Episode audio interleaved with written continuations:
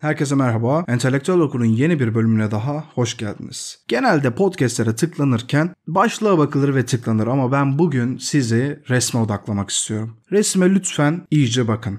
Bu resim yaklaşık bir, bir buçuk sene önce benim karşıma bir kitapta çıkmıştı ama ben çok önemsememiştim açıkçası. Yine geçenlerde Twitter'da dolaşırken karşıma bu resim çıktı ve merak ettim acaba bu resmi kim yaptı, ardındaki tema ne ve neden yaptı, neden böyle bir resim var? Çünkü resme bir bakalım. Bakın bir kadın var, kuyudan çıkmaya çalışıyor ama yüzünde korku ifadesi var. Korkmuş, bağırıyor, bağırmaya çalışıyor sanki. Elinde bir süpürge, bir kamış var ve arkasında iki tane dikkat çeken unsur var. Bir tanesi bir ip, bir tanesi de bir zincir. Sanki bu zincir bu kadını aşağıda bağlayan şey, ip ise bu kadını aşağı indiren olgu. Bu resmi araştırdığımda karşıma Leon Jerome diye bir isim çıktı. Bu adam umarım bu arada doğru telaffuz ediyorumdur. Fransız bir ressam ve bir heykeltıraş. Jerome hayatının son 10 yılında gerçeği kuyunun içine bırakılmış bir kadın gibi tasvir etmek istiyor ve bununla ilgili birkaç resim koyuyor ortaya. Bu resimleri zaten internette araştırdığınızda çok rahat görebiliyorsunuz ama en temel resim bu. Ve Jerome filozof Demokritus'un bir aforizmasından esinleniyor. Ben bu aforizmayı en sonda anlatmak istiyorum. Onun öncesinde bir rivayetten bahsedeceğim size.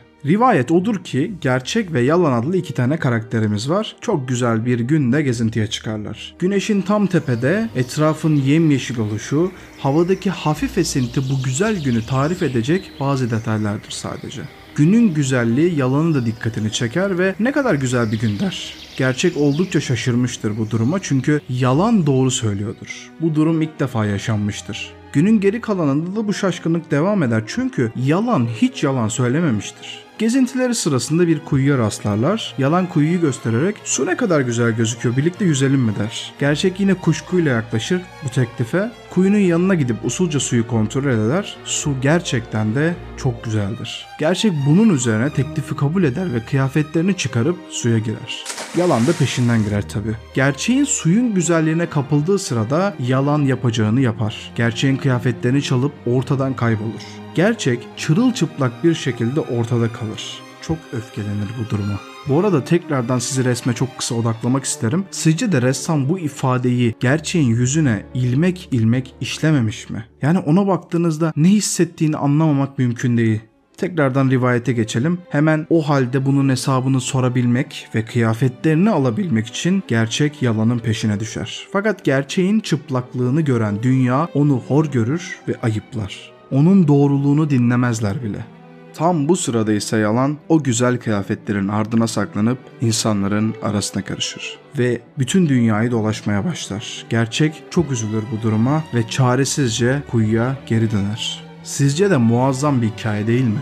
Eminim hiç uzak gelmemiştir bu hikaye size. Çünkü bu hikaye yaşamımızın içinde bir yerlerde var. Bizlerde de olan bu değil mi? Yani o çıplak gerçek gözlerimizin önündeyken güzel sözlerle bezenmiş yalanlara inanıyoruz biz. Yalan içimizde üstelik farkında bile değiliz. Belki farkındayız ama o farkındalığı çok fazla açmak, kendimizi üzmek belki de istemiyoruz. Onu gerçeklerden ayıramaz olduk çünkü. Hal böyleyken gerçek kuyulara saklandı, içimizde kol gezer oldu. Fakat gerçek gerçek olarak değil, yalan olarak gezmeye çalışıyor. Yalan olarak devam ediyor. Bu hikayeye biraz daha genel perspektiften bakalım. İlk bakışta gerçek ile yalan arasındaki mücadeleyi anlattığını görüyoruz aslında ama derinlemesine baktığımızda insanın doğasını, toplumu ve bizim asıl gerçeğimizi yansıtıyor. Gerçek ve yalan insanın içindeki çatışmayı temsil ediyor burada. Toplumda insanlar genellikle gerçeği saklamak veya değiştirmek için yalana başvuruyorlar. Yalan bazen güzel veya cazip görünüyor anlık olarak. Ancak sonunda açığa çıkıyor ve gerçek o yalanın doğasında kayboluyor maalesef. İşte kuyu dediğimiz şey de insanın aslında iç dünyasını temsil ediyor. Gerçek kendini kuyunun derinliklerinde yalnız ve savunmasız hissederken yalan dışarıda gerçeğin yerini alıyor ve toplum içinde onun gibi davranarak kabul görüyor. Yani şu an tüylerim diken diken oldu çünkü bunu o kadar net yaşıyoruz ki ya bir politikamıza bakalım, bir siyasetimize, bir futbolumuza dönelim bakalım. Hayatın herhangi bir yerine bakalım. Toplum içinde gezen şey gerçek mi yoksa yalan mı? Bu toplumun çoğu zaman gerçeği kabul etmek yerine görünüşe ve yüzeysel olana önem verdiğini gösteriyor aslında bize. dünyanın gerçeği küçümsemesi ve reddetmesi toplumun gerçeği kabul etmekten kaçınmasını ve çoğu zaman gerçeği reddetmeyi tercih etmesini yansıtıyor. Gerçek çıplaklığı ile utanç duyuyor ve kaçıyor. Biz onu yakalayamıyoruz. Bu da insanların genellikle kendi gerçeklerinden kaçtığını ve kendilerini olduğu gibi kabul etmekte zorlandıklarını gösteriyor. Yani sonuç olarak bu efsane, bu rivayet insan doğasını ve toplumun gerçeği kabul etme eğilimlerini derinlemesine ele alıyor. Muazzam bir eser bence. Çok basit gibi gözüküyor ve bireylerin burada kendilerini olduğu gibi kabul etmeleri ve gerçeği ifade etmeleri gerektiğini vurguluyor. Bize bu mesajı veriyor. Ben buradan şöyle bir sonuç çıkarıyorum.